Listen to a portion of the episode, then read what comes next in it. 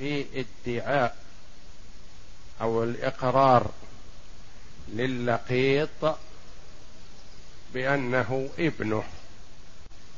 تقدم لنا أن اللقيط هو غلام أو ولد ذكرا كان أو أنثى وجد في مكان ما فكفالته من فروض الكفاية لأنه لا يستطيع أن يقوم بنفسه ولا يقر إلا بيد أمين ثقة. وتقدمت الصفات المطلوبة في الولي عليه. وعرفنا أن الإنفاق عليه إن لم يوجد متبرع فيكون من بيت المال. وتقدم لنا أحوال الولي في حالة إقامته أو سفره أو انتقاله من المدينة إلى القرية أو من القرية إلى المدينة أو من المدينة إلى البادية كل هذا مضى. وهذا الفصل في ادعاء نسب اللقيط يأتي شخص يقول هذا ولدي أو ولد ابني ونحو ذلك فهذا يسرنا ذلك ولا نتشدد فيه لأن في هذا مصلحة للقيط بدون مضرة على أحد بخلاف ما إذا ادعى رقه فهذا لا بد من التثبت.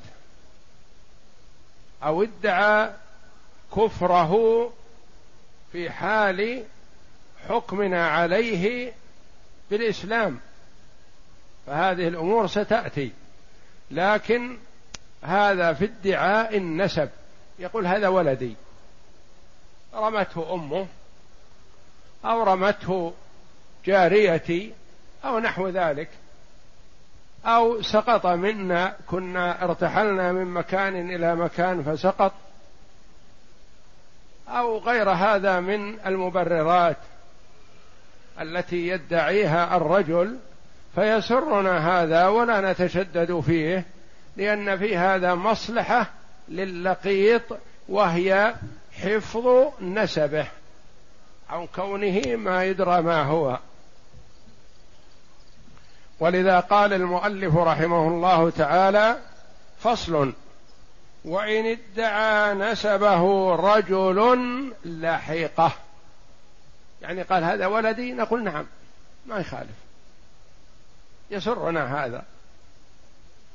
ثم ننظر إن كان أهل للولاية سلمناه له لأنه ولده وصاحبه. أما إذا كان ليس بأهل للولاية كان يكون كافر أو فاسق فنقره في موضوع النسب لأن فيه مصلحة ولا نقره في الولاية لأن فيه مضرة. إذا كان فاسق فيه مضرة على الطفل أو في أو ال... هذا الذي ادعاه كافر نقول نعم هو ولدك لكن نحن حكمنا بإسلامه فلا يزول حكمنا بإسلامه إلا بعد إثبات أنه ولد من أبوين كافرين. أنت أحدهما مثلا. فإذا أثبت هذا ألحقناه به نسبا ودينا وإلا ألحقناه به نسبا لا دينا. نعم. كما لو أقر له بمال. كما لو أقر له بمال. مثلا شخص جاء عند القاضي وقال عندي لليتيم فلان كذا وكذا. ما نقول له ثبت. منين أتتك هذه الأموال؟ وهكذا. نقول نعم. نقبل ذلك. أو عندي لهذا اللقيط هذا المبلغ. أنا التقطته مثلا ووجدت معه ألف جنيه ألف ريال. وجدت معه مبلغ من المال كثير. وجدت معه جوهر نفيس. وبعته بكذا. مثلا نقول حسن هذا ولا نتثبت فيه لأن في هذا مصلحة لهذا اللقيط بدون مضرة على أحد. ومن أقر لشخص آخر بشيء ما يقبل إقراره ويؤخذ به كما ورد لا عذر لمن أقر. نعم. ويأخذه, ويأخذه من الملتقط إن كان من أهل الكفالة. ويأخذه من الملتقط إن كان من أهل الكفالة. مثلا وجدنا اللقيط عند الخروج لصلاة الفجر. فأخبر الملتقط بأنه وجد هذا اللقيط فأقر بيده لأن الملتقط رجل صالح. ولكونه خرج لصلاة الفجر وجد هذا اللقيط فخروجه لصلاة الفجر تدل على محافظة على الصلاة ثم تبين لنا أن الرجل صالح. فسلمه الإمام أو الحاكم أو القاضي أو من وكل إليه رعاية اللقطاء. سلمه إياه. فكفله هذا. ثم بعد يوم أو يومين جاءنا من يدعيه ويقول هذا ولدي. يقول خيرا. يقول أريده. نقول نعم. إذا كان من أهل الكفالة سلمناه إياه. وإن كان من غير أهل الكفالة نظرنا. ما نسلمه لكل من ادعاه. إذا كان فاسق مثلا نخشى أن يعوده على فسقه. أو كان كافر يجره إلى دينه ونحن حكمنا بإسلامه لأنه التقط في ديار الإسلام. فإن كان من أهل الكفالة سلمناه إياه ما دام ولده وادعى أنه أبوه. وإن كان من غير أهل الكفالة فسيأتي. نعم. لأن الوالد أحق بكفالة ولده. نعم. وإن كان كافرا لم يتبعه في الدين لأنه محكوم بإسلامه بالدار فلم يزول ذلك بدعوى الكافر. بدعوى كافر أي كافر يعني؟ بدعوى كافر ولا وإن كان إن كان من أهل الكفالة سلمناه إياه. وقلنا لمن سلمه له الحاكم سلم الولد لأبيه. ويسرنا هذا أن نعرف أباه. وإن كان كافرا في بلاد المسلمين. هذا اللقيط. جاءنا ذمي. أقر على الإقامة بين أظهرنا. قال هذا ولدي. عندنا ناحيتان. ناحية تسرنا الإقرار بها لأن فيها مصلحة. وناحية يسيء إلينا الموافقة عليها لأن فيها مضرة. هذا الذمي كافر. قال هذا ولدي. نحن حينما التقطنا الولد في بلاد الإسلام ما هو الحكم؟ كما سبق إذا كان في بلاد الإسلام فاللقيط محكوم بإسلامه. فعندنا ناحيتان. ناحية يجب علينا أن نتساهل بها لإثباتها. وناحية يجب علينا أن نحتاط لها فلا نثبتها بسهولة. ناحية النسب يسرنا أن ينتسب إلى أب وأم. معروفين ولا يكون ولد زنا أو مجهول. ناحية الدين لا يجب علينا أن نهتم بها. يقول هذا ولدي وهو كافر. نقول إذا ناحية حفظ النسب حسن ناحية كون الولد أمس حكمنا بإسلامه واليوم نسلمه للكافر نقول هذا ولده كافر مثله؟ لا. فنقبل واحدة ونحتاط للأخرى حتى تثبت لدينا شرعا. ليست من السهولة بمكان. وإن كان كافرا لم يتبعه في الدين. لما؟ قال لأنه محكوم بإسلامه بالدار. لأنه ملتقط في دار المسلمين فمحكوم بإسلامه. فلا يزول ذلك بدعوى كافر. عندنا حكم بإسلام هذا الرجل. نبطل هذا الحكم بدعوى كافر يجينا يقول هذا ولدي أعطوني إياه ولا؟ يقول ماذا تريدون مني؟ نقول نريد منك في الإثبات والدين شاهد عدل. أنه ولد على فراشك. وأن أبويه حيان. لابد من شروط. قال ما عندي شهود. نقول هو ولدك في النسب وهو ابننا في الدين. مسلم معنا.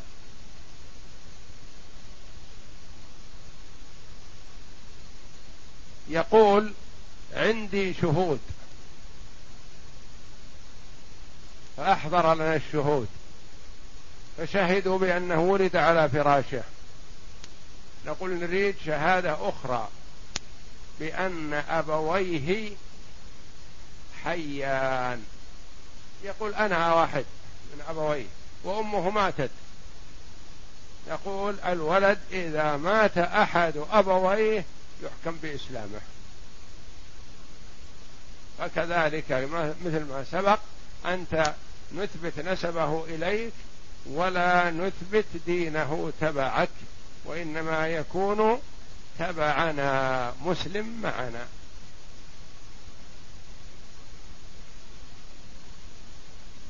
فيجوز أن يثبت شيء ويحتاط في الشيء الآخر.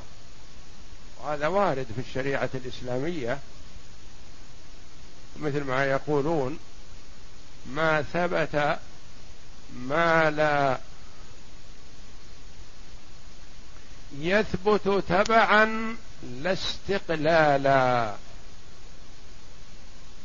أو يجوز تبعا لا استقلالا. مثل الشيء المجهول. شيء مجهول مع غيره معلوم يجوز بيعه وشراؤه. شيء مجهول وحده ما يجوز بيعه. حتى يعلم. ولهذا أمثلة كثيرة مثلا. يريد يريدان المبادلة بين نخلتين.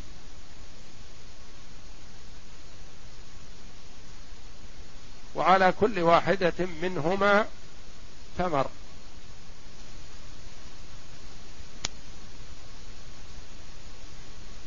ننظر.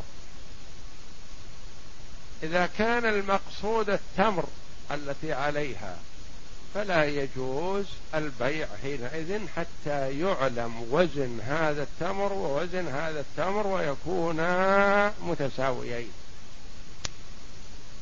وإذا قالوا لا التمر أربعة كيلو خمسة كيلو ما له قيمة النخلة بألف ريال. والنخلة الأخرى هذه بخمسمائة ريال. فنحن نريد بدل نخلتين بنخلة. يقول لا بأس. ما دام التمر غير مقصود الآن فهو يجوز بيع التمر تبعا لا استقلالا لو كان التمر هو المقصود بيعه لابد يعلم فيه التساوي وإلا ما يجوز بيعه. أساسات الدار. تباع الدار ونحن لا ندري ما أسساته هل هي حجر؟ أو طابوق أو خرسانة أو اسمنت حديد. ما ندري.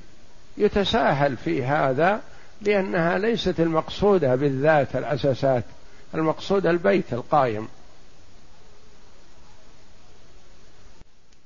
وكذلك هنا إثبات النسب نثبته بسهولة لكن إثبات الدين لا. ليس من السهولة بمكان. فلا نثبته إلا بما يثبت به شرعا وهو أن يوجد شاهدا عدل يشهدان بأن هذا الولد ولد على فراش هذا الذمي وأن هذا أبوه وأن أمه حية موجودة وأنها ذمية مثل أبيه كافرة. نعطيهم إياه ونقول هذا ولدكم. إذا ثبت هذا ما ثبت فنحن حكمنا أمس بإسلامه فلا نسلمه لكافر. وإن كان كافرا لم يتبعه في الدين لأنه محكوم بإسلامه في الدار. يعني الدار دار مسلمين فحكمنا بإسلام اللقيط. بخلاف ما إذا كان اللقيط في بلاد كفار ليس فيها مسلمين يكون حينئذ مثلهم. فلا يزول ذلك بدعوى كافر لأن الذي قال هذا ولدي هذه دعوة. دعوة ممن من كافر. فيزول الإسلام بدعوى كافر؟ لا نقول ثبت. فيزول الإسلام بشهادة العدول. فلا يزول ذلك بدعوى كافر ولا يدفع إليه. ما يدفع إليه. حتى لو قال هذا ولدي نقول ما دمنا حكمنا بإسلامه فهو وإن كان ولدك فنحن نتولاه لأن نخشى أن تصرفه عن دينه. نعم. لأنه لا ولاية لكافر على مسلم. لا ولاية لكافر على مسلم فالمسلمة مثلا المرأة مرأة مسلمة وأبوها كافر ما يزوجها ليس له ولاية عليها. وإنما يزوجها أقرب أوليائها من المسلمين. ليس لها ولي مسلم يزوجها ولي الأمر في البلاد. وولي الأمر في بلادنا جعل هذا للقضاة. فمثلا امرأة خادمة جاءت لأحد البيوت الطيبة وهي كافرة مع أنه لا يجوز استيراد العمال الكفار لأن النبي صلى الله عليه وسلم قال لا يجتمع في جزيرة العرب دينان. فلا يجوز استخدام كافر إلا عند الضرورة والحاجة في اختصاص نادر مثلا. لكن عاملة أو عامل كافر ما يجوز استخدامه لكن استخدمه شخص فهداه الله إلى الإسلام وأسلمت. مثلا هذه المرأة. وهي تريد الزواج فخطبها الخطاب أبوها كافر وأهلها كفار من يتولى تزويجها يتولى ذلك القاضي في المحاكم ترفع أمرها للحاكم فيتثبت من أنه لا ولي لها مسلم فيكون هو ولي من لا ولي له. ولا يدفع إليه لأنه لا ولاية لكافر على مسلم حتى وإن كان ابنه حقيقة. نعم. ويثبت نسبه منه. ويثبت نسبه منه لأنه لا يضيره. لا يضيره لأن كثير من المسلمين مثلا آباؤهم وأمهاتهم كفار ولا يضيرهم ذلك. ولا تزر وازرة وزر أخرى. لأن الكافر كالمسلم في ثبوت النسب منه. في ثبوت النسب فيه مصلحة في إثبات نسب هذا اللقيط سواء نسب إلى مسلم أو كافر ما يضيره. لأن المرء من ناحية الدين بعمله. يضيره ما يعمله من السوء وينفعه ما يعمله من الخير والصلاح ولا يضيره فساد أبويه أو كفر أبويه. ولا ضرر على أحد في انتسابه إليه. لا ضرر لا على اللقيط ولا على هذا الذي ادعى نسبه ولا على غيره.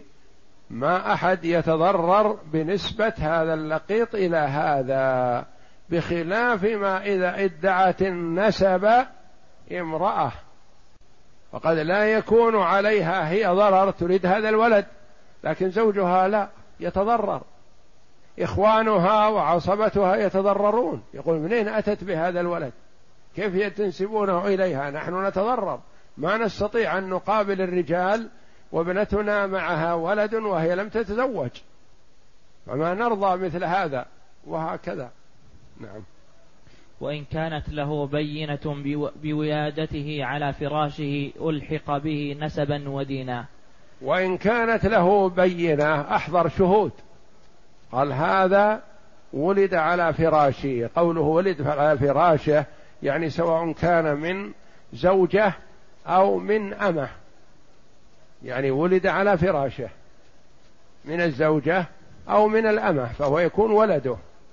فيلحق به نسبا ودينا. ما دام أنه ولده وأبواه حيان يلحق به في النسب والدين.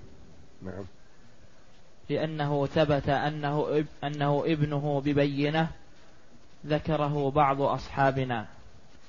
نعم. وقياس المذهب أنه لا يلحقه في الدين إلا أن تقوم البينة أنه ولد ولد كافرين حيين. نعم. هذا على اختيار كثير من العلماء أنه إذا كان ولد كافرين أحدهما ميت يقول يحكم بإسلامه. إذا كان ولد كافرين أحدهما كلاهما حي فيحكم بأنه تبعهم. كافر مثلهم. لكن إذا كان أحد أبويه مسلم أو أحد أبويه ميت فيحكم بإسلامه حينئذ. نعم. لأن الطفل يحكم بإسلامه بإسلام أحد أبويه أو موته. بإسلام أحد أبويه يحكم بإسلامه لأنه كما تقدم لنا في الفرائض الولد يلحق بخير أبويه دينا.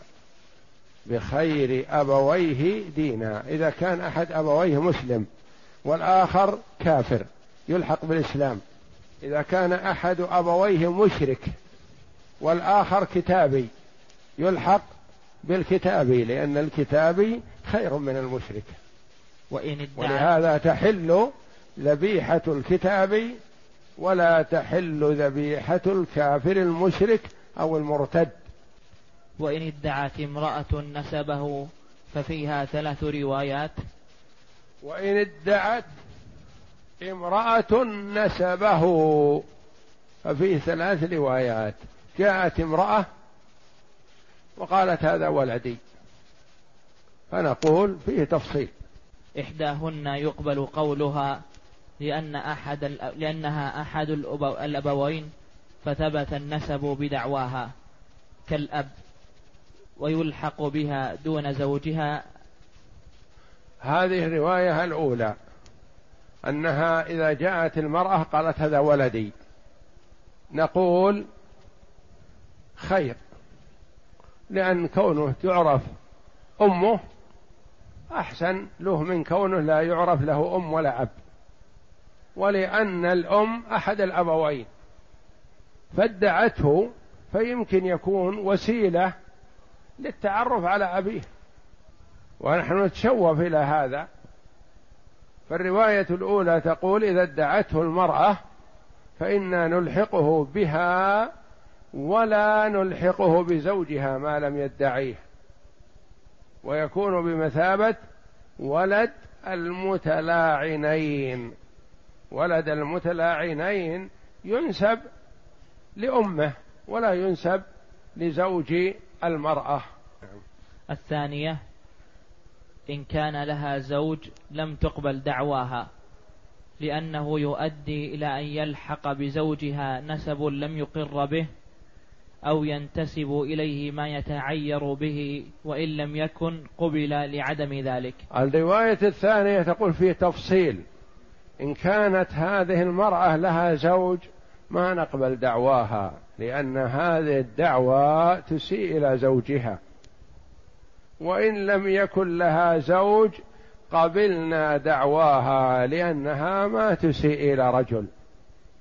الرواية الثانية نقول ننظر إن كان لها إخوان وأسرة ما قبلنا دعواها لأنها تسيء إلى إخوتها وأهلها وإن لم يكن لها إخوان ولا لها أسرة معروفة قبلت دعواها. يعني في ثلاث روايات. إحداها أنها تقبل مطلقة الثانية أنها لا تقبل إذا لم يكن لها زوج. الثالثة أنها لا تقبل إلا إذا لم يكن لها زوج ولا إخوان نعم. الثالثة إن كان لها إخوة ونسب معروف لم تقبل دعواها لأن ولادتها لا تخفى عليهم وإن لم يكن قبلت إذا لم يكن إذا كان لها إخوة فلا تقبل دعواها إلا إذا وافقوها على هذا لأن ولادة أختهم لجنين مثلا ما يخفى عليهم. وربما يضيرهم هذا لحوق هذا النسب بهم بأختهم ويضيرهم فلا تقبل دعواها لأنها ربما تكون غير مبالية هي وإخوتها يستحون ولا يرضون أن ينسب إلى أختهم. ولد مجهول. نعم. والأمة كالحرة إلا أننا إذا ألحقنا النسب بها لم يثبت رق ولدها لأنه محكوم بحريته فلا يثبت رقه بمجرد الدعوى كما لم يثبت كفره. وإن كانت المدعية أمة رقيقة مملوكة قالت هذا ولدي. قلنا نعم. من حيث النسب نثبت نسبه إليك. تقول أنا مملوكه لزيد فهو مثلي مملوك. نقول لا. هو حكمنا بإسلامه قبل والآن حكمنا بحريته فلا نحكم برقه حتى يثبت أنه ولد لك وأنه رقيق بشهادة شهود. أما مجرد ما تقولين أنت إنه رقيق فلا نقبل شهادة امرأة في الحرية والرق. بل لابد من شهادة شهود رجال يثبتون الرق فينسب إليها ويكون رقيقا مثلها. أما إذا لم يوجد شهود فننسبه إليها ولادة ونحن حكمنا بحريته من قبل فلا نجره إلى الرق كما أننا إذا حكمنا بإسلامه لا نجره إلى الكفر إلا بشهادة شهود يميزون هذا. والله أعلم. وصلى الله وسلم وبارك على عبده ورسول نبينا محمد وعلى آله وصحبه أجمعين.